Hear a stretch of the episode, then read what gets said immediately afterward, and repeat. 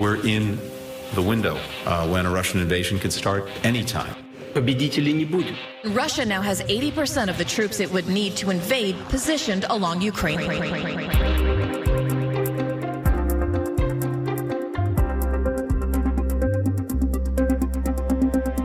Efter flere døgn med gentagende beskydninger i den østukrainske Donbass-region er den russiske præsident Putin blevet enig med den franske præsident Macron om at prøve at sikre en våbenhvile, våbenhvile undskyld, i øh, området, om at forsøge at arrangere et møde på højeste niveau om Ukraines fremtid. De to statsledere har i går en nat talt i telefon i sammenlagt tre timer og forsøgt at finde en diplomatisk løsning på situationen. Indtil videre er der planlagt et udenrigsministermøde mellem Rusland og USA på torsdag, hvis altså ikke Rusland har invaderet Ukraine inden. Det sker her kort tid efter, at den britiske premierminister ellers advarede om, at Rusland planlægger, og jeg citerer, den største krig i Europa siden 1945. Ja, det er ikke nemt at vide, hvad der kommer til at ske i konflikten omkring Ukraine, og som flere af vores gæster gennem programserien her har sagt, så er der kun én mand, der ved, om der bliver krig, og det er Putin. Så i dag prøver vi hele udsendelsen igennem at se det fra Putin og russernes side. For vestens helt store problem er, at vi ikke forstår russerne, lyder det blandt andet fra dagens gæst. Velkommen til Krig i Europa. Jeg hedder Alexander Vils Lorentzen. Og jeg hedder Cecilie Lange. Og vi begynder som sædvanligt udsendelsen med lige at se på vores krigsbarometer. Et redskab, vi bruger til at vurdere, hvor tæt vi er på en krig i Europa på en skala fra 0 til 10. Og i dag der er det altså dig, Jens Jørgen Nielsen, der får lov til at øh, komme med din vurdering. Godmorgen. Godmorgen.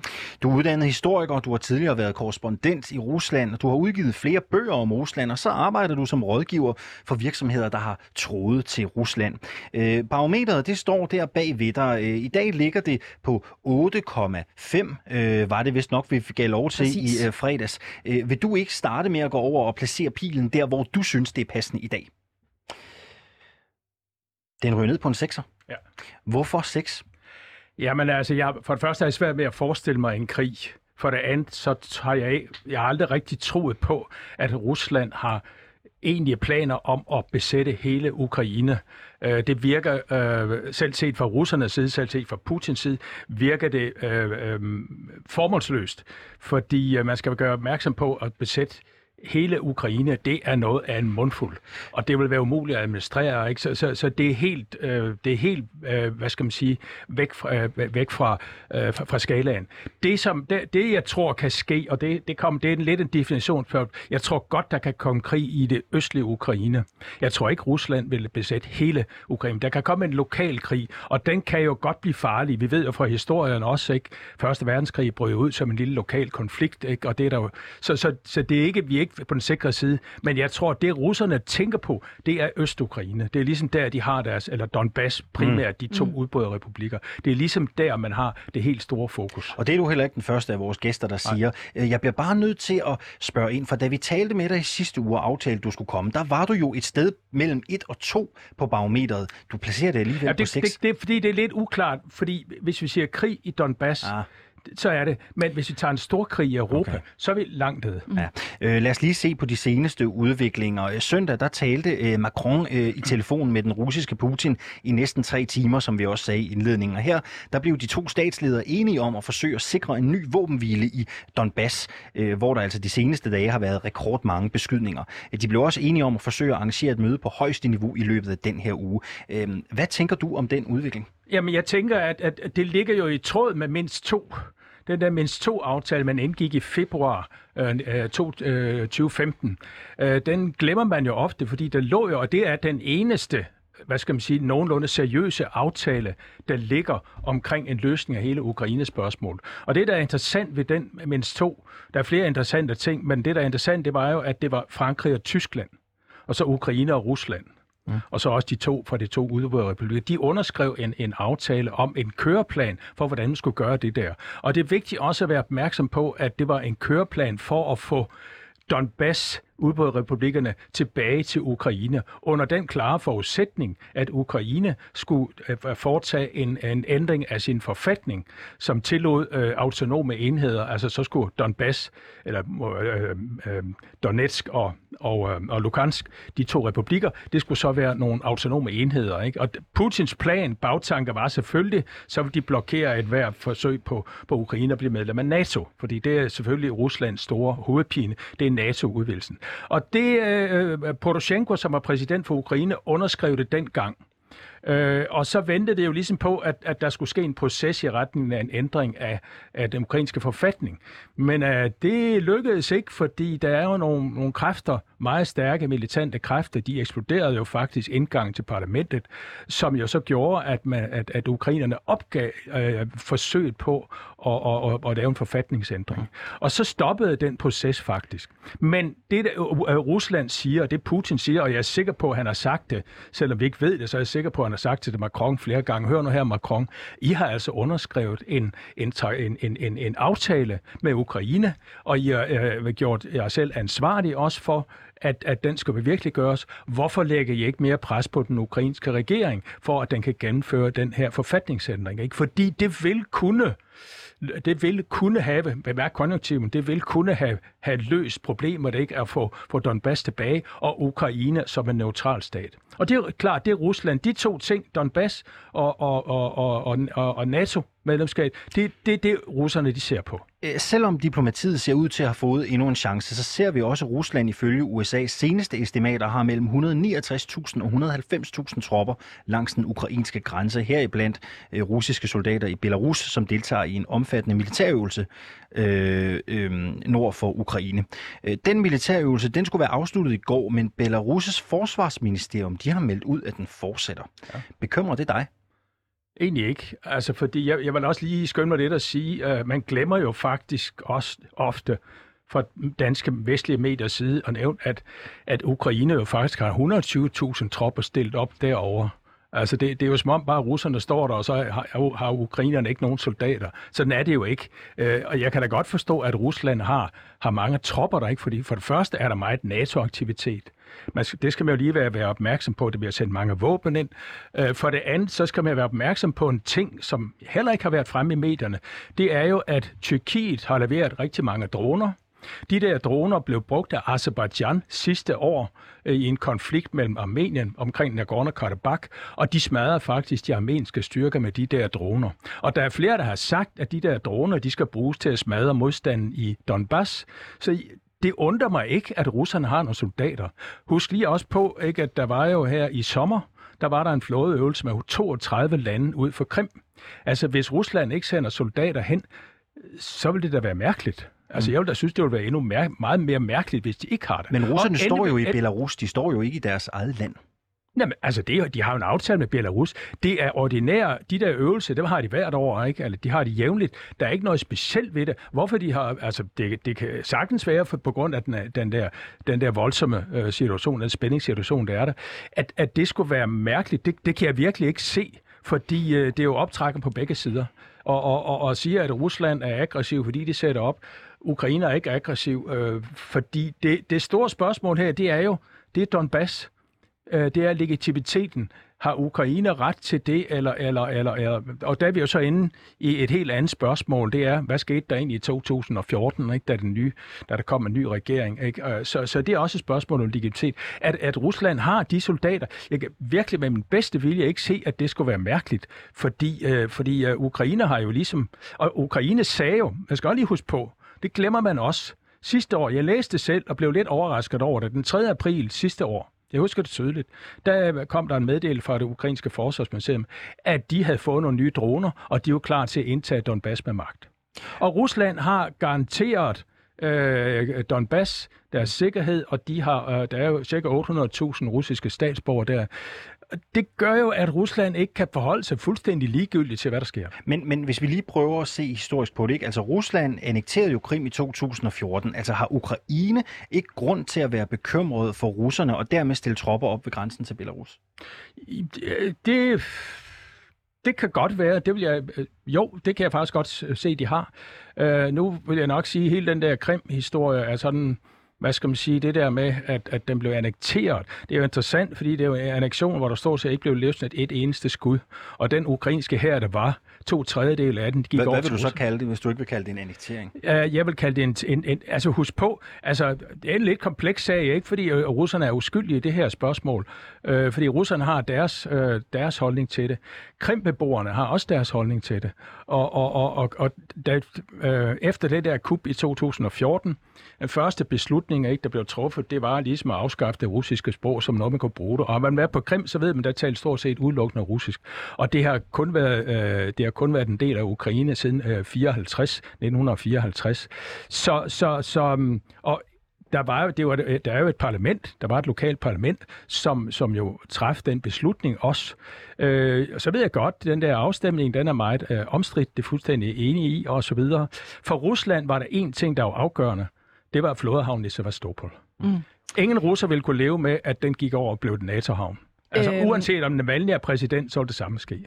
Måske fornemmer lytterne det, det allerede nu, men vi har også inviteret dig, øh, fordi at du mener, at vi øh, i Vesten, måske både vestlige øh, medier og alle mulige andre interessenter i, i, i Vesten, øh, også her i Danmark, misforstår russerne. Øh, prøv lige at forklare os, hvad er det, vi misforstår?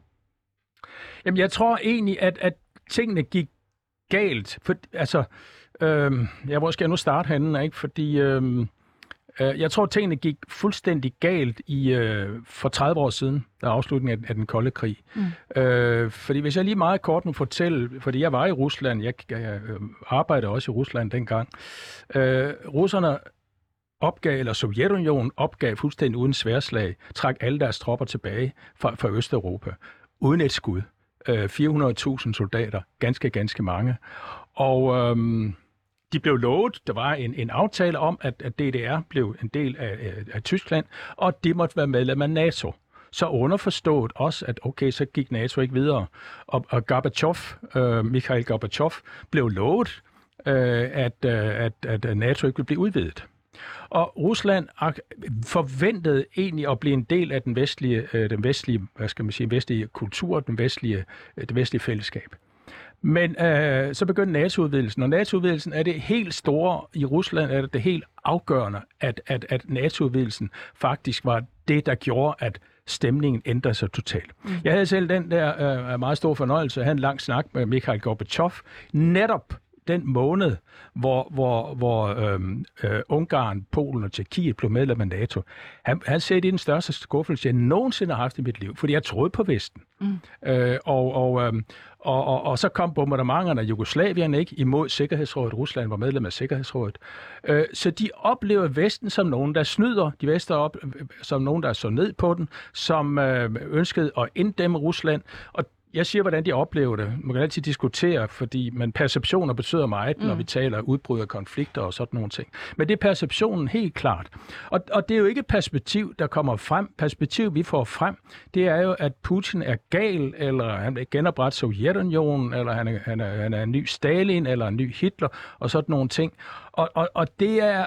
Øhm, det er simpelthen ikke rigtigt. Altså det, og jeg vil også sige, he, hele den der, det der med at sammenligne Putin med Hitler, altså det er en fornærmelse over for, for offrene for, for Hitler i øvrigt. Altså det kan slet, slet ikke sammenlignes. Mm. Så det Altså- er det der med, at hvis man i to sekunder ligesom lige tager de russiske briller på, jamen så kan man godt vende den om og sige, at det er sådan set øh, NATO-alliancen, som har været den aggressive part i det her, Det klart. og Rusland Ja, ja. føler sig snydt. Ja, ja, ja. Altså Rusland, Rusland betragter sig, altså hvis du ser det igen fra Ruslands side, altså, de ser NATO som, som, hvad skal man sige, sådan aggressiv. Altså hvis du ser på et kort, sådan, okay, vi fik i, øh, i 99, der kom de der tre lande. I 2004, så kom der en hel stribe, de baltiske mm. lande blandt andet også, ikke? Og, og Slovakiet, Slovenien og, og Bulgarien, Rumænien.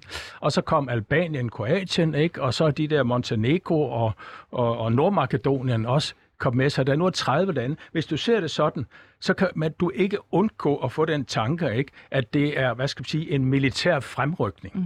Og Ja. militær fremrykning altså udløser jo nogle, nogle, nogle DNA-psykiske reaktioner hos russerne, for det har de jo prøvet i deres historie mm. flere gange. Jeg ved jo også, at du mener, at vi har en tendens til at skabe sådan nogle skræmmebilleder af, af, af Rusland her i Vesten. Du kalder det russofobi. Ja. Øhm, mener du også, at det gør sig gældende øh, i den nuværende situation med den nuværende konflikt? Ja, fordi, fordi øh, ja, altså det, der er det store problem, det er, at at, at, at sådan generelt, nu, nu taler jeg med den brede pensel selvfølgelig, og mm. der er mm. undtagelser og alt det der, men hvis du ser sådan bredt, bredt set, så synes jeg, det, det faktisk er ret, ret, ret tydeligt, at, at, at vi har svært ved at diskutere netop Rusland rationelt. Altså så er vi ligesom at komme ind, og ligesom du ser på, hvis naturvidenskab, naturvidenskabsfolk, de ser på molekyler og atomer og sådan noget. Det er jo ikke sådan, man synes, et atom er sødere eller bedre end det andet, eller rigtigere, eller sådan nogle ting. Altså, vi, vi, vi har meget svært ligesom at få det der rationelle spor på Rusland. I stedet så bliver det jo sådan en, bliver det en civilisationsspørgsmål. Øh, ikke? Vores civilisation er bedre, og Ruslands civilisation er dårligt, og Rusland stiller sig i spidsen for en civilisation, som truer vores. Ikke? Og hele det der værdispørgsmål, ikke, som, som kommer op, det fordrejer også tingene, ikke? fordi så simpelt er det absolut ikke, at, at, at, at, at vi står sådan for det gode og det rigtige, og russerne, det er sådan det rene ondskab. Det er jo en Hollywood-film eller en tegneserie, ikke? Og det er det, der er min, min anke. Min anke er sådan set ikke en rationel kritik mm. af, af Rusland og Putin. Min anke er, at vi er svært ved at finde et rationelt spor i forhold til at kunne diskutere også, hvordan vi kommer ud af den her situation. Jens Jørgen Nielsen, du er forfatter og konsulent, og du er med her i studiet hele øh, timen, hvor vi altså vender perspektivet og ser den nuværende konflikt fra russernes side. Vi giver det i hvert fald et øh, forsøg. Du har placeret øh, krigsbarometret i dag på 6. Hvis der kommer krig, så bliver det i det østlige Ukraine, ja. siger du også til os her øh, til morgen. Og selvfølgelig skal vi tale endnu mere om øh, Putin lidt senere i programmet her også.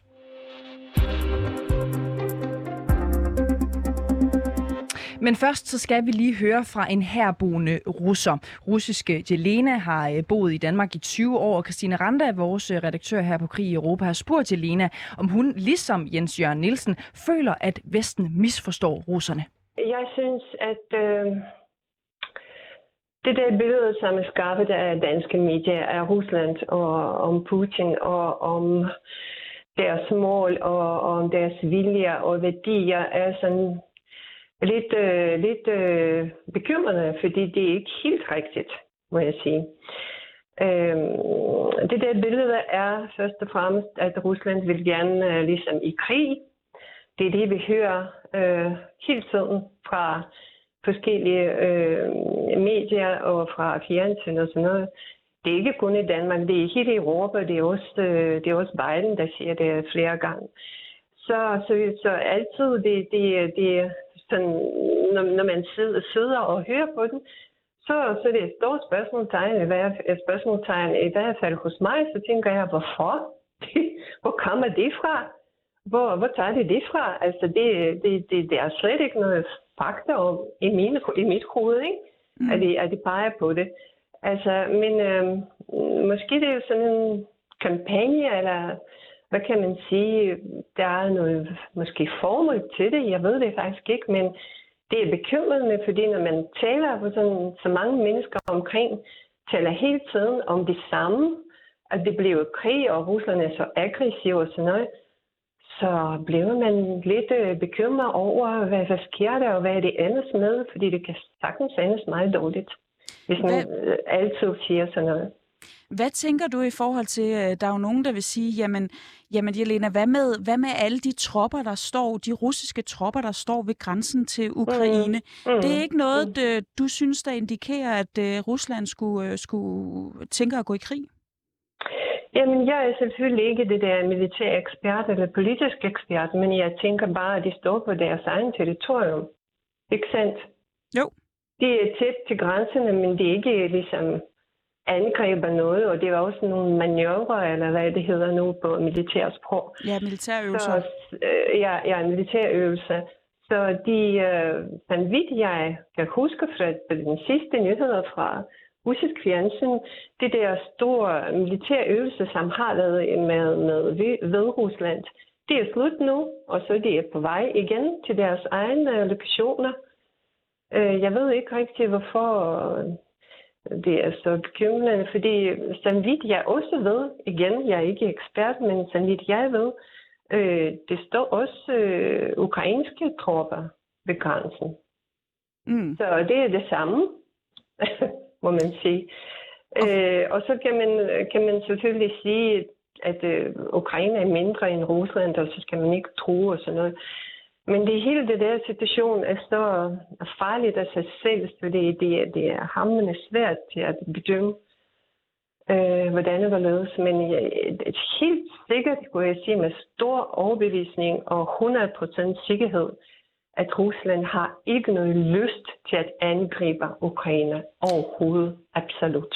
Hvorfor skulle de ikke have lyst til det? Hvad, hvad, hvad, hvad bygger du det på? Jamen, det er, vi er, vi er, altså, hvis du tager mig, jeg er også øh, 25 procent Ukraine. Altså, vi er alle sammen, vi er blandet folk. Vi er det samme. Det er ligesom, at man angriber på sit egen øh, søster. Mm. Altså, det kan man ikke. Det, det, det, det, det giver ikke mening overhovedet. Og det er selvstændigt land. Hvorfor skal man gøre det? Altså, vi, er, vi vil altid være venner, og, og altid var godt, og jeg kan ikke rigtig forestille mig det i, i det værste, altså øh, for, øh, forestillinger. Altså, hvorfor skal man gøre det?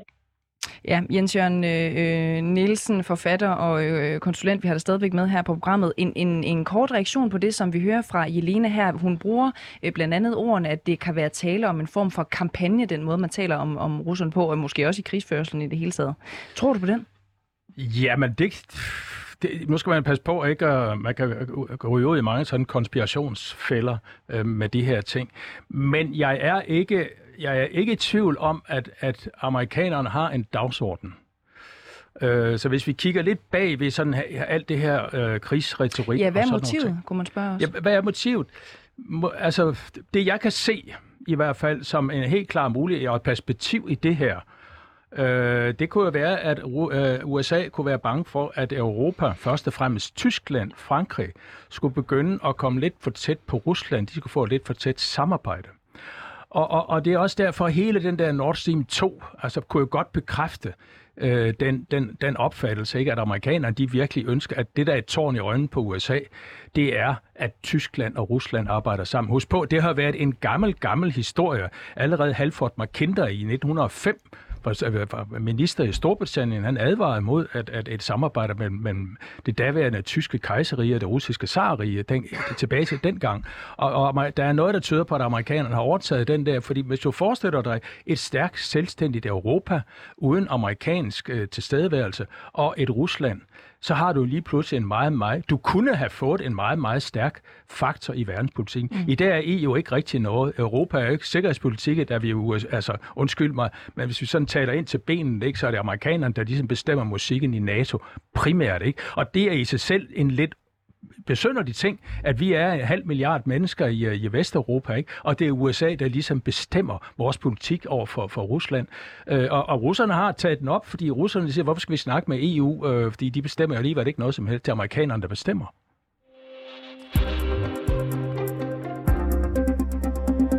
Ja, Jens Jørgen Nielsen, som vi har med i studiet her hele øh, timen, han er ligesom øh, russiske Jelena her ikke bekymret for, at russerne kunne finde på at invadere Ukraine, og vores krigsbarometer, det står derfor lige nu på en øh, sådan lidt halvfesen sekser, hvilket jo er noget lavere, end hvad det stod på øh, i sidste uge. Flere af vores gæster i sidste uge, de satte det nemlig op på 8, faktisk helt op og tangerer 9. Og flere vestlige lande, de frygter da også fortsat, at russerne kan invadere Ukraine når som helst. Lørdag sagde den amerikanske præsident Joe Biden, at han er overbevist overbevist om, at Putin har besluttet sig for at invadere. Og så sent som i går søndag lød det fra den britiske premierminister Boris Johnson, at Rusland planlægger den største krig i Europa siden 1945. I'm afraid to say that the, the plan that we're seeing is for something that could be really the, the biggest war in Europe since 1945, in, just in terms of sheer scale. Uh, you're looking at um, uh, not just an invasion uh, through the east, through the through the Donbass, but uh, according to the intelligence, intelligence that we're seeing coming down from the north, down from Belarus, and actually encircling uh, Kiev itself, as, uh, as, as Joe Biden uh, explained to a lot of us last night. Claus Reinholdt, godmorgen og velkommen til. Godmorgen. Til daglig der bor du i Rusland, men lige nu der befinder du dig i Kharkiv i Ukraine. Boris Johnson nævner frygten for en invasion, ikke kun fra øst, men også fra nord fra Belarus. Og Rusland og Belarus har jo her i weekenden har fuld gang i en omfattende fælles militærøvelse lige nord for den ukrainske grænse. Øvelsen den skulle slutte i går søndag, men den lader altså til at være blevet forlænget i en eller anden grad. Hvad betyder det konkret, Reinholdt? Jamen, det betyder jo, at, at Rusland øh, fortsat lægger pres på Vesten, øh, og altså nu ved jeg godt, at det, det som der kom ud fra, fra Belarus og, og russisk side, det var, at, øh, at det er på grund af de øh, øh, eskaleringer, som der sker i det, det østlige Ukraine osv. Men jeg, jeg, jeg tror at det hænger sammen med, at Rusland de ikke har fået det, som de gerne ville, så derfor så lægger de yderligere pres. De er nødt til hele tiden at og, og, og, og kræve, at man kommer med et ordentligt svar, som man kan bruge i Rusland til noget, og det har man simpelthen ikke fået indtil videre. Og det er også derfor, vi ser den her eskalering i det østlige Ukraine, tror jeg. Eller det er det. Det er fordi, at man gerne vil have, at nu skal der altså simpelthen rykkes på mindst to aftalen, så er der over ved Hvide Rusland, det er så en anden øh, historie. Altså man skal jo huske på, at Ukraine de står med, med, med to hovedpiner lige nu. Der er krigen i det østlige Ukraine, og så er det de mange øh, øh, russiske soldater, som står ved grænsen til Ukraine. Så, så der, er, der er to problemer lige nu for Ukraine, som, øh, som Rusland de meget gerne vil øh, have, have i talesat, og, og der mener man jo i Kreml, at man ikke har fået det, som, som man egentlig gerne ville have. Hvad er den officielle forklaring på, at man ikke hiver alle tropperne fra øvelsen hjem, men, men nu lader de her 30.000 russiske tropper blive i Belarus? Jamen det er jo fordi, som man siger, at, at, øh, at man kan se, at der bliver oprustet i Europa fra, øh, fra vestens side, og så er der også på grund af de her øh, øh eskaleringer af, af kamphandlinger i, i det østlige Ukraine. Øh, betyder det, at russerne i princippet har 30.000 mand stående nord for Ukraine i Belarus til for eksempel at rykke ind i Ukraine, som jo er det, de vestlige ledere frygter? I princippet ja. Nu ved jeg ikke lige helt konkret, om det er, øh, altså man må formode, at de er kampklare, de, øh, de tropper, som er i, øh, i Belarus eller Hviderusland, fordi de har jo deltaget i en øvelse, hvor man lige præcis skal øve det, at der kommer et angreb på Hvide Rusland. Så derfor så må man formode, at de også er kampklare, hvis det er, at de skulle rykke ind i Ukraine. Men det, jeg, jeg, jeg vil vurdere det som, øh, som meget lidt sandsynligt, at det er det, man pønser på. Men igen, man skal aldrig sige aldrig. Det, verden den er urensagelig, så derfor så øh, vil jeg ikke øh, sige, at jeg vil æde min gamle hat på, at det kommer til at ske. Men, men umiddelbart så er der heller ikke noget, som ukrainerne de ser som en, en, en, en trussel. Altså det ukrainske forsvarsministerium har været ude flere gange at sige, at man ikke kan se Øh, man mener ikke, der er en overhængende far for, at der kommer en direkte invasion, hvorimod at man i det østlige Ukraine, der taler man om, at det er her, hvor fokus er lige nu for ukrainerne, for det er lige præcis der, at man ser, at der er et stigende angreb fra de pro-russiske separatister i Donbass. I dag der prøver vi at se det lidt fra russisk side, Reinholdt, men, men lad os lige prøve at vende brillerne et øjeblik. Hvorfor er det, Vesten frygter den her slags militærøvelser fra russisk side? Jamen, det, det er jo, øh, altså nu, nu, nu har jeg ikke øh, desværre nogen direkte linje til øh, vestlige ledere, men, men øh, sådan efter at have beskæftiget mig med det her i mange år, så er det jo fordi, at man i Vesten øh, ikke, ikke, ikke stoler på Rusland. Der er en annektering i 2014, som, øh, som, som tager øh, altså, alle verdens lande øh, på sengen. Man havde ikke forventet, at det skulle ske, og så plus også det, at man øh, begynder at støtte de øh, separatister i den østlige del af Ukraine. Så derfor så er der bare en, øh, en mistro over for, øh, for Rusland, og derfor er det også, at man hører de her meget bombastiske udmeldinger fra blandt andet Boris Johnson i, i, i går, var det, hvor han siger, at, at vi risikerer altså en, en, en, en kæmpe stor krig i øh, Europa. Altså umiddelbart igen, når jeg sådan lodder stemningen blandt øh, mine bekendte, jeg ved godt, at de ikke er eksperter øh, i Rusland, men også her i Ukraine, så er der ikke rigtigt, altså der er ikke nogen, der siger, ja, der er simpelthen grund til, at Rusland skal rykke ind og lave en direkte invasion. Igen, jeg siger, at det, det, det er meget muligt, at det er, øh, at det er det, russerne de pønser på, men, men der, altså, jeg har virkelig svært ved at kunne se fornuften i det. Øhm, så, så derfor så igen, der er ikke særlig mange her i Ukraine, der tror på det, og det er der heller ikke øh, er almindelige mennesker i Rusland.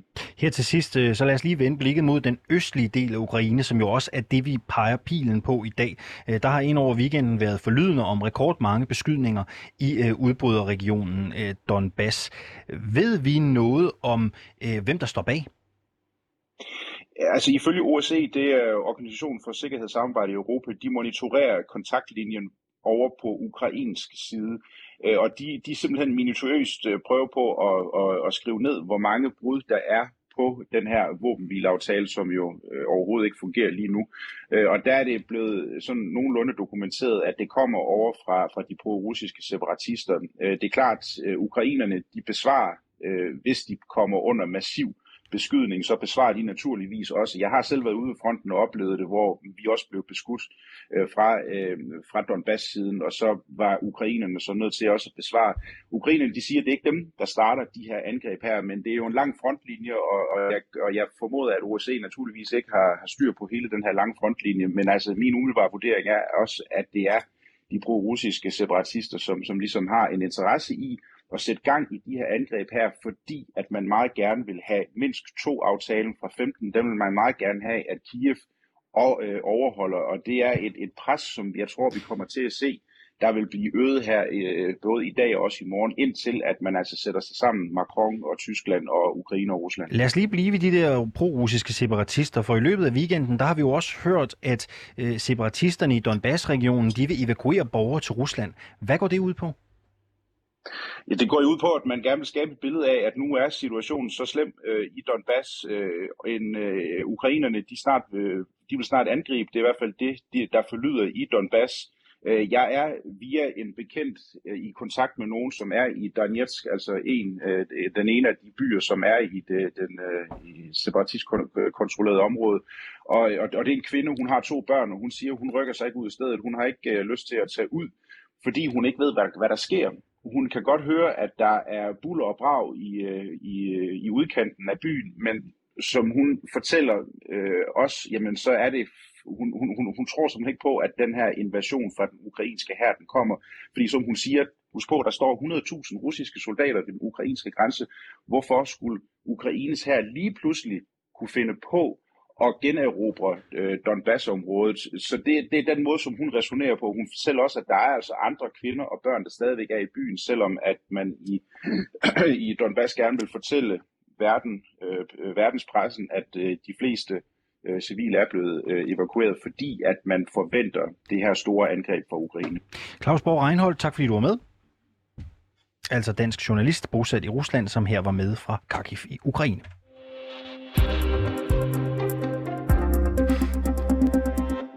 Vi lige vende perspektivet en lille smule øh, på hovedet set fra, fra vestens side i dagens program, hvor vi prøver at forstå øh, russerne. Det gør vi blandt andre med dig, Jens øh, Jørgen øh, Nielsen. Vi har fået en del kommentarer på, øh, på Facebook, som kunne tyde på i hvert fald, at der er en del øh, danskere derude, der sådan set er enige øh, med dig. Der er blandt andet nogen, der skriver, det er en Kirsten, en meget interessant øh, udsendelse. Så er der en, øh, en mand, der hedder Samer, som skriver, så vidt jeg ved, der var det USA og NATO, der invaderede Irak på grund af masseødelæggelsesvåben. Øh, våben, altså en form for tankegang, som, som går på, at måske er det ikke altid russerne, som er de, de onde. Øhm, Birgit skriver, vildt spændende vinkel, tak fordi I tager det op. Og så er det Torsten, som øh, skriver, ja, der er desværre, øh, øh det er desværre NATO, der er, er de aggressive, også min øh, oplevelse. Så i hvert fald ikke alle danskere er enige om, at det er, at det er russerne, som er, øh, som er de onde. Opfølgende spørgsmål til dig, Jens Jørgen Nielsen, efter vi lige har hørt fra korrespondenten øh, her.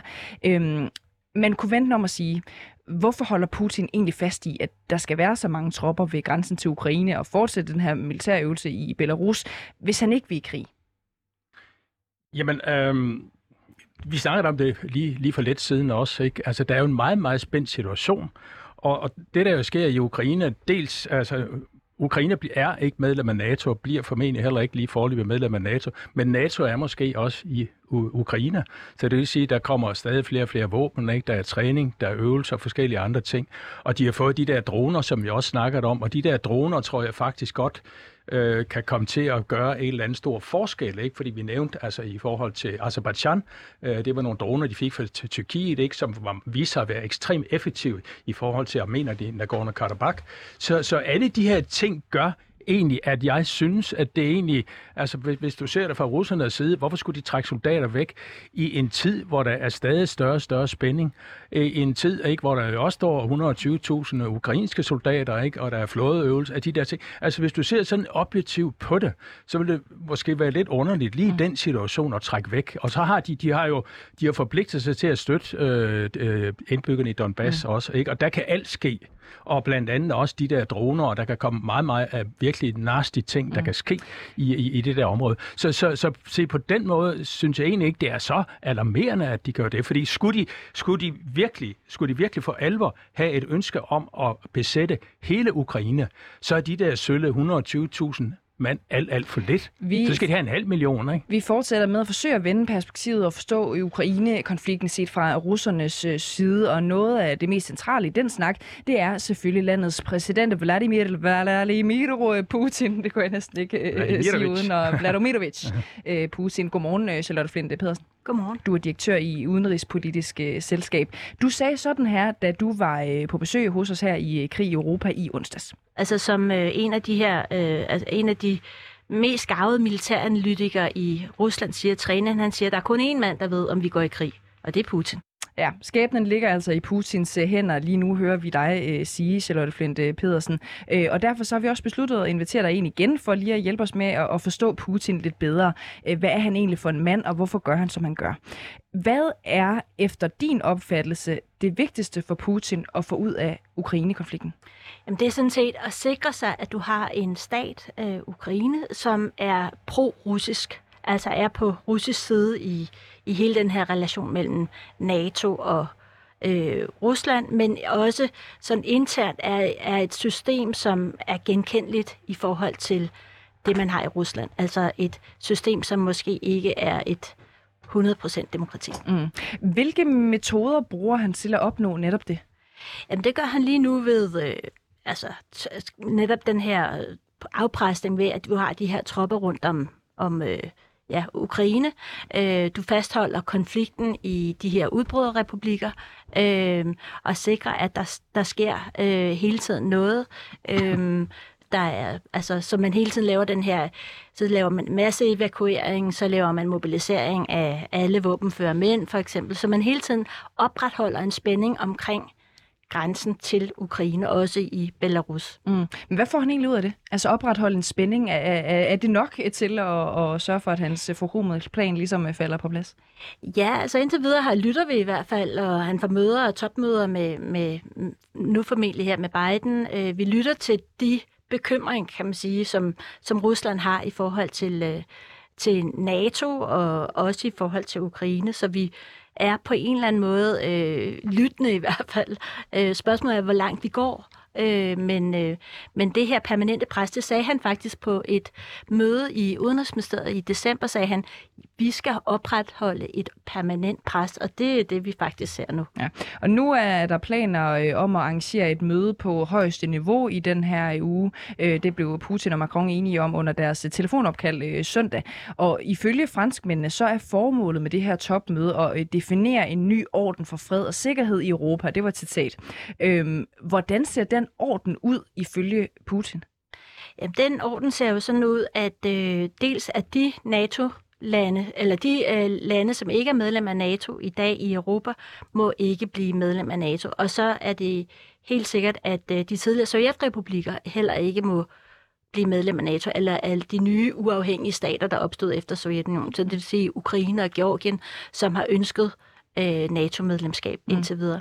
Jens Jørgen Nielsen, lad os også bare lige få dit øh, bud på det her. Nu taler vi om øh, Putin. Hvad, øh, hvad er han for en øh, mand? Er du enig i, i fortolkningen herovre fra, øh, fra fra Charlotte? Ja, jeg, må, jeg har måske valgt nogle andre ord, men, men jeg, sådan grundlæggende ja. Og, og hvis vi sådan ser på, på hans mål i, med, omkring Ukraine, så langt hen ad vejen, ikke? fordi det er klart, at NATO-spørgsmål er sådan det helt store, øh, det, er, det, det er det helt store ømme punkt, og det har det været øh, faktisk lige siden. Og må jeg ikke lige godt lige skyde en bemærkning ind her. I 1998, det er lang tid siden, der var der en, der hed George Kennan. Det var ham, der egentlig startede med det lange telegram 1946 fra, fra, fra Moskva. Han startede egentlig den kolde krig, han advarede mod Sovjetunionen. I 1998, der sagde han, det er den største fejltagelse at starte udvidelsen af NATO, fordi det vil føre til, at de højreorienterede nationalistiske antivestlige kræfter vil blive stærke, og om nogle år, så vil vi stå i en situation med en alvorlig konflikt mellem Rusland og NATO. Mm. Og han fik jo fuldstændig ret. Han kunne ikke opleve det, fordi han var meget gammel allerede dengang. Men, men, men han fik jo ret, og det siger noget om, at der i USA også var nogen, der tænkte anderledes om det her, den her NATO-politik. Måske var det ikke den smarteste måde, og måske var det faktisk øh, øh, øh, øh ført hele det der NATO-politik faktisk til noget af det, vi ser, og også til, hvad skal man sige, en ny antivestlig holdning. Ikke? Og den, man, man, skal ikke, man skal ikke tro, at, at alle russere, de glæder sig til, at, at, at, at eller hvad skal man sige, de er, er pro-vestlige mm. og sådan noget. De støtter faktisk Putin i det mm. her spørgsmål. Så Selv dissidenter, dem der egentlig er meget kritiske over for Putin. Jeg kender nogen, som hader Putin, men de er meget stålsatte i det her NATO-spørgsmål. Charlotte øh, Finn Pedersen, du øh, nikker øh, faktisk. Ja, altså, øh, jeg, jeg nikker ikke, fordi at jeg er helt 100% enig med Jens Jørgen. Øh, men jeg nikker, fordi at der er noget omkring øh, hele vores øh, strategi efter øh, Sovjetunionens opløsning, hvor vi ikke fik inkluderet Rusland i en europæisk øh, sammenhæng. Altså, øh, Rusland øh, kom ligesom udenfor, øh, og, øh, og der, det vil jeg sige, det har været en undladelse. Og samtidig så havde vi jo det her unipolære moment, øh, hvor vi ligesom øh, begyndte at og øh, ja, på grund af, af 9-11 øh, lavede den her war on terror og alle de her ting. Og det betød, at vi faktisk øh, strakte os for langt øh, og gik ud over vores grænser. Og det rammer os i dag. Mm. Så det er i virkeligheden det. Men det, jeg egentlig vil sige, det handler ikke kun om NATO. Mm. Det handler også om kontrol med Ukraine. Det handler om, om man har en lydstat, ligesom Belarus eller Kazakhstan for nylig. Og det er det, som man ønsker. Man ønsker en stat, som man bedre kan styre også. Ja, apropos øh, ønsker og ambitioner, så tænker jeg også for at forstå netop Putins øh, ambitioner, øh, drømme og visioner, og ikke mindst metoder måske også, øh, så skal man også forstå hans baggrund, øh, tænker jeg. Vil du lige prøve at forklare os, hvad er det, han kommer fra? Jo, men han, altså først og fremmest skal man forstå, at han er øh, KGB-mand, øh, og øh, han blev opdraget under den navnkundige øh, KGB øh, general, som også blev generalsekretær, øh, Yuri Andropov, og alle dem, som sidder i Sikkerhedsrådet i dag, øh, sammen med, øh, øh altså i, med Putin her, det er folk fra KGB. Og de har en forståelse af verden, som man havde der, altså af Sovjetunionens styrke og magt, og man ønsker faktisk at genskabe Sovjetunionen. Og Putin sagde jo også, at øh, opløsningen af Sovjetunionen var den største geopolitiske øh, katastrofe i det 20. århundrede. Og jeg kan jo godt komme i tanke om andre geopolitiske katastrofer, 2. verdenskrig, 1. verdenskrig for eksempel. Men han synes, at det var den største geopolitiske katastrofe. Så det skal man forstå, hvad de her mennesker, som sidder og bestemmer, om der bliver krig eller ej, Putin plus hans sikkerhedsråd, hvem er de egentlig, og hvad er det for en forståelse, de har? Mm. Og lad os prøve lige at, at dvæle med noget, som der har været øh, jo øh, selvfølgelig en del snak om også i vestlige medier. Altså Putin kan jo om to år blive øh, det, der populært går under termen øh, evighedspræsident. Altså i, i, i praksis kan han komme til at sidde på posten indtil øh, 2036. Øh, hvor vigtig en succes i Ukraine-konflikten er det for ham? Det er meget, meget vigtigt, fordi det vil sige, så genrejser, så han genrejst øh, det tabte, og på den måde kan han sige, jamen, øh, jamen gør, altså det, jeg er en naturlig præsident i 2024, fordi det er mig, der har genrejst Ruslands storhed efter de ydmygende år i 90'erne. Du markerer øh, Jens Jørgen Nielsen. Nå, nå, men altså jeg vil bare lige i forhold til det, Charlotte har sagt, altså jeg igen sådan lang, et stykke hen ad vejen enig med hende, men jeg vil nok lige give den nuance, at, at Putin jo forlod KGB i, øh, i 1990 og faktisk blev øh, viceborgmester ikke, og arbejder med det private virksomheder også. Ikke? Og, og han, øh, med hans gamle lærer, Anatoly Sobchak, Øhm, og, og det var jo ganske liberale personer, ikke? Og, og der lærte han en masse inden for, for, for videnskab, eller øh, for øh, økonomi, forskellige øh, øh, øh, virksomheder, han arbejdede sammen med. Ikke? Så han har også, så, så han er ikke bare en KGB med en ubrudt karriere. Mm. Men han er en person, der både har KGB, han har også de der nye, de der nye virksomhedsøkonomiske øh, erfaringer fra, fra 90. Det synes jeg også er vigtigt lige at få med også. Ikke? Og, og, og som, som jeg jo egentlig sådan i princippet synes var et meget godt udgangspunkt for at blive præsident i sådan et vanskeligt land. Jeg boede der selv dengang, øh, som Rusland var. Øh, Charlotte Flint Pedersen, øh, Putin har jo gentagende gange understreget, at han altså ikke vil gå i krig i Ukraine, og nu ser det ud til i hvert fald Frankrig, Tyskland og Ukraine skal til forhandlingsbordet med ham i den her uge. Kan man stole på Putin? Jeg tror ikke, man kan stole på Putin. Altså ikke i, der, endnu, fordi han har jo også sagt, at vi trækker tropperne tilbage, og tropperne bliver ikke træk, trukket tilbage. Altså, øh, vi siger, prøver hele tiden med de her øh, såkaldte false flag operations i de her udbryderrepublikker. Så der er, jeg tror ikke, man kan stole på ham, men man kan jo selvfølgelig godt, så længe han kan få noget af det, han gerne vil have. Ja, altså er han rationel? Ja, mega rationelt. Altså, der er ikke noget irrationelt i, i det, han laver. Øh, man kan sige, så det, det, det hans, hans politiske mål er fuldstændig rationelt, og det er jo det, som vi skal se på, hvad er det vigtigste for ham, og er Ukraine for eksempel vigtigere for ham, end det er for os. Og du har jo tidligere sagt, øh, da du har været gæst hos os, at Putin han har fået det ud af konflikten, han kunne få. Mener du stadigvæk det? Øh, nej, jeg tror, han tror, han kan få mere. Ja. Øh, og jeg, i, i, tidligere var jeg sådan mindre overvist omkring... Hvad er det, han tror, han kan få? Jamen, jeg tror, han kan få øh, total kontrol med Ukraine. Øh, Jens Jørgen Nielsen, mener du, at Putin har fået det maksimalt ud af konflikten, som det ser ud nu? Nej, han er jo ikke nået i mål med det. Altså, det, det, det, det er klart ikke, men, men jeg vil da også sige, at han har, da, han har da fået det ud af det, som Charlotte også var inde på, at nu lytter vi faktisk til ham. Fordi hvis, hvis du ser tingene, hvis, hvis du skulle bede nogen, øh, Putin for eksempel, om at beskrive situationen mellem NATO og Rusland, ikke, så oplever NATO, som om de er gået baglæns hele vejen. Ikke? Altså, hvis du tager helt tilbage fra, fra 1990, Gorbachev, så er de gået baglæns, de har trukket tropper tilbage, de har tilladt NATO-udvidelser, ikke? de er gået baglæns. Ikke? Så er de så begyndt at, at, at, gå den anden vej, og så snart de begynder at gå den anden vej, så bliver Vesten rasende på den. Ikke? Fordi, og, og derfor, der, der, tror jeg, der, der tror jeg, at han, han, han i hvert fald taktisk set har opnået det, at nu vil alle tale med Putin, og man begynder måske måske at indgå i noget, der kunne ligne sådan nogle realitetsforhandlinger. Om det, som man skulle have haft i 1990 efter Paris-aftalerne, hvor man det jo aftalte, at, at freden og sikkerheden i Europa skulle være udeleligt. Og så oplevede de et NATO, som et det europæiske hus, med Rusland uden for døren. Ikke? Så, så, så på den måde, der, der, der tror jeg, at han er kommet godt taktisk, at han kom godt i vej, men, men strategisk er han ikke mål. Og Charlotte Flint Pedersen, hvis Putin kan presse citronen lidt mere, hvad bliver det næste, så vi ser? Jamen det næste, vi bliver, altså næste, altså udover det, der foregår nu, mm, ja. øh, jamen så er det jo selvfølgelig, øh, altså Moldova for eksempel. Ja, prøv lige at forklare, hvad du mener med det. Altså Moldova ligger grænser op til Ukraine, øh, og der ligger en udbryderrepublik, der hedder Transnistria, som øh, ligesom også er et sted, hvor du har russisk militær.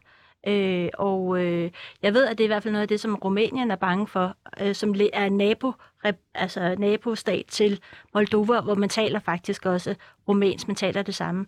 Så, øh, så jeg, jeg tror, at det, det næste kunne sagtens blive Moldova. Og hvad er det, Putin skulle gøre der?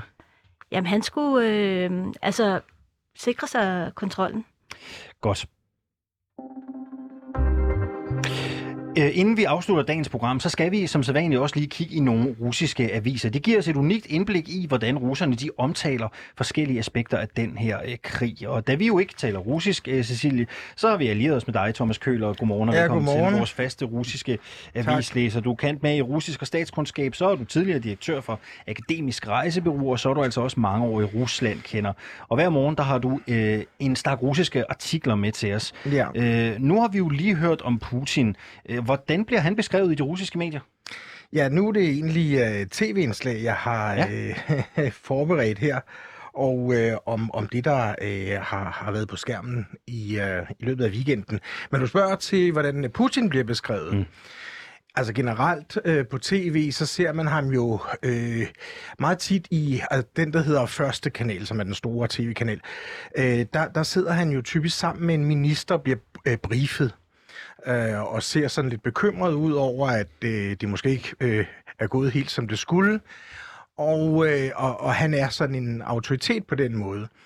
Øh, det, er, det er den øh, rolle, man, man, man, man ser ham i, øh, typisk. Ja. Mange af de russiske aviser øh, tænker man jo er statsejede og russiske medier generelt. Betyder det, at det, de skriver, er udtryk for øh, Putin og Kremls syn på tingene? Øh, nej, øh, men, men det der jo er, det er, at øh, der øh, foregår en personalpolitik, øh, der gør, at der er visse grænser for, hvad øh, studieværter og journalister kan øh, sige på, øh, på skærmen.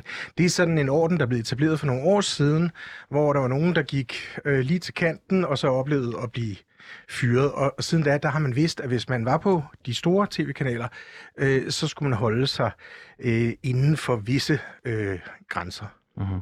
Lad os kaste os ud i øh, lad os kaste os ud i det du har med, ikke? For du ja. har øh, tre øh, russiske historier med fra ja. medierne. Lad os lige få den første overskrift på øh, på russisk. Det var et tv-indslag, kunne jeg forstå. Ja, er der en form for altså, overskrift? Det er jo øh, det er rigtigt. Altså der der står jo øh, hvad hvad det her øh, indslag handler om. Чего просят беженцы из Донбасса? Информационная война, разбор видео из ЛНР и ДНР, что будет с рублем? Øh, og øh, det betyder, øh, hvad, hvad beder øh, flygtningene fra øh, Donbass om? Og øh, foregår der en informationskrig, video øh, fra LNR og DNR, jeg ved ikke, om vi har vendt os til de her forkortelser mm. for oprørsrepublikkerne, og øh, hvad kommer til at ske med, øh, med rublen. Det, det er nogle meget interessante indslag, som øh, var på det, der hedder TV Dorst i øh, går. Øh, det betyder øh, regn, altså mm. TV Regn, som er en øh, uafhængig øh, tv-station, som... Øh, øh, altså på nettet, som, som, øh, som lever med, at den har det stempel øh, fremmed agent i panden, og måske også ligesom gør en død ud af det. Øh, den skal også, øh, de skal også nævne på tv-stationen, hvis de har medvirkende, som også øh, har den her betegnelse. Den har man jo, hvis man modtager økonomisk støtte fra udlandet. Mm-hmm. Øh, det handler jo også lidt om beskydningerne i Donbass. Øh, hvordan ja. bliver beskydningerne udlagt i de russiske medier? Øh, jamen altså, øh, der er jo øh, kommet en flygtningestrøm til øh, Rusland fra øh, Donbass. Øh, 40.000 personer øh, er, er flygtet til, øh, til øh, det her øh, tilstødende russiske område. Og øh, øh, man må jo sige, øh, det ville jo være ærgerligt, hvis de øh, flygtede helt uden grund. Men øh, altså, i de indslag, man ser, øh, så er det ikke særlig klart beskrevet, hvad det er for en beskydning, der skulle komme fra Ukraine. Og på TV Dors, der havde de længere indslag om, at øh, det var slet ikke til at sige, om øh, de her beskydninger måske i virkeligheden var noget internt fake, der var lavet. Mm. Så hvem der har beskyld, hvem der har, hvem der bliver beskyldt for beskydningerne, det ved vi ikke noget om ifølge de russiske medier. Øh, jo jo, altså det er det er øh, artilleribeskydning fra øh, den mm. ukrainske hær. Mm. Øh, og folk flygter, fordi øh, bomberne springer øh, i nærheden af deres boliger. Vi øh, har jo ikke hørt så meget om dem, som flygter fra de to udbryderrepublikker og øh, til Rusland. Hvordan bliver flygtningene beskrevet i de russiske medier? Jamen, jamen der, der var jo så en hel del øh, om dem her i, øh, i weekenden, og øh, der ser man jo så, at de ankommer til øh, den her russiske by, der hedder Taganrog, øh, og øh, nogle af dem bliver indkvarteret i sådan et stort øh, center, øh, ligger øh, på et stort øh, gulv, sådan en sportssal.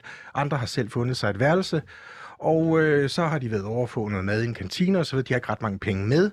De får nogle øh, penge, når de ankommer 10.000 rubler, øh, så de har lidt at leve for. De ved ikke, hvad de skal. Øh, fra nu af, øh, der går nogle rygter om, at de skal videre til en by, der hedder Nizhny Novgorod. Øh, men altså, fælles for dem er, at øh, de er taget afsted med små børn og gamle bedstemødre osv., fordi bomberne springer omkring deres hjem. Mm. Og så øh, til sidst en historie mere har du med. Øh, må vi lige få den også ja, her ganske kort altså, Det er jo også en klassisk historie om en, en, øh, en demonstrant, der bliver anholdt i uh, Moskva. Der foregår som regel nogle meget små demonstrationer, hvor man kan sige, lige før et af målene er at blive anholdt, fordi så kommer der en større historie ud af det. Og der har vi så sådan en... Uh, en demokratiforkæmper, som uh, hedder Lev Panamaryov, som, som blev anholdt der i, i, i går, og som bruger anledningen til at opfordre til, at alle moskvitter skal gå ud og demonstrere mod krigen øh, hvis der kommer en krig. Og så skynder studieverden sig at sige, ja, vi må godt nok ikke opfordre til demonstrationer her på tv-stationen. Så har de ligesom overholdt loven, de har også gjort lidt grin med, at de skal Hvem er det, det menneske præcis, der er blevet anholdt, hvis du skal prøve at beskrive ham? Over? Jamen, han er sådan en ældre øh, øh, øh, advokat, ikke, som, øh, som er aktivist i, i den her bevægelse. Og jeg tror også, det er ganske typisk, at mange af dem, der går forrest, at det, det er sådan nogen, som er lidt, øh, står lidt frit. Mm. Altså, fordi man kan jo risikere, at øh, få taget sine børn fra sig, hvis man øh, deltager i en demonstration. Øh, så det er, jo, det er jo typisk sådan ældre mennesker, der ikke har øh, de store øh, forpligtelser, som øh, vil løbe den risiko nu. Sådan har det ikke været tidligere, men, men det tror jeg er ganske typisk nu. Thomas Køller, kendt med i, i øh, russisk og statskundskab. Tak fordi du var med her til morgen og ville læse øh, aviser med os. God morgen øh, God til morgen. dig. Øh, vi er så småt ved at være færdige for i dag. Øh, Jens Jørgen Nielsen, lad os slutte hos dig. Du har placeret krigsbarometeret på 6 her til morgen. Hvad skal vi holde øje med nu her i de øh, næste øh, par timer, øh, det næste døgn? Altså, vi skal holde øje med den diplomatiske aktivitet. Det er det, jeg sætter min lid til. Øh, og det er sgu ikke særlig stor, men, men, men, men så længe så længe der er øh, samtaler, så længe der er forhandlinger ikke, med Macron og Biden osv., så, videre, så, øh, så, så tror jeg ikke, der sker noget drastisk. Selvfølgelig kan alt ske i Donbass, fordi man skal også lige være klar over, ikke i Donbass, jeg tror ikke, at den ukrainske herledelse har styr på alle de militser, der er på den ukrainske side, og Putin har heller slet ikke styr på, på de andre der. Men det diplomatiske spor, og, og jeg må sige, det, der hvor jeg måske ikke vil lægge min æg, men der hvor jeg tror, der alt andet lige er størst mulighed, det er, hvis Macron og, og Scholz måske får mere at skulle have sagt. Så lød det altså her til morgen for dig, Jens Jørgen Nielsen. Du er historiker, du er tidligere korrespondent i Rusland, og du har skrevet flere bøger om Rusland. Krig i Europa er produceret af Oliver Bernsen, Sofie Ørts og Christine Randa, og vi er tilbage igen med et nyt afsnit i morgen.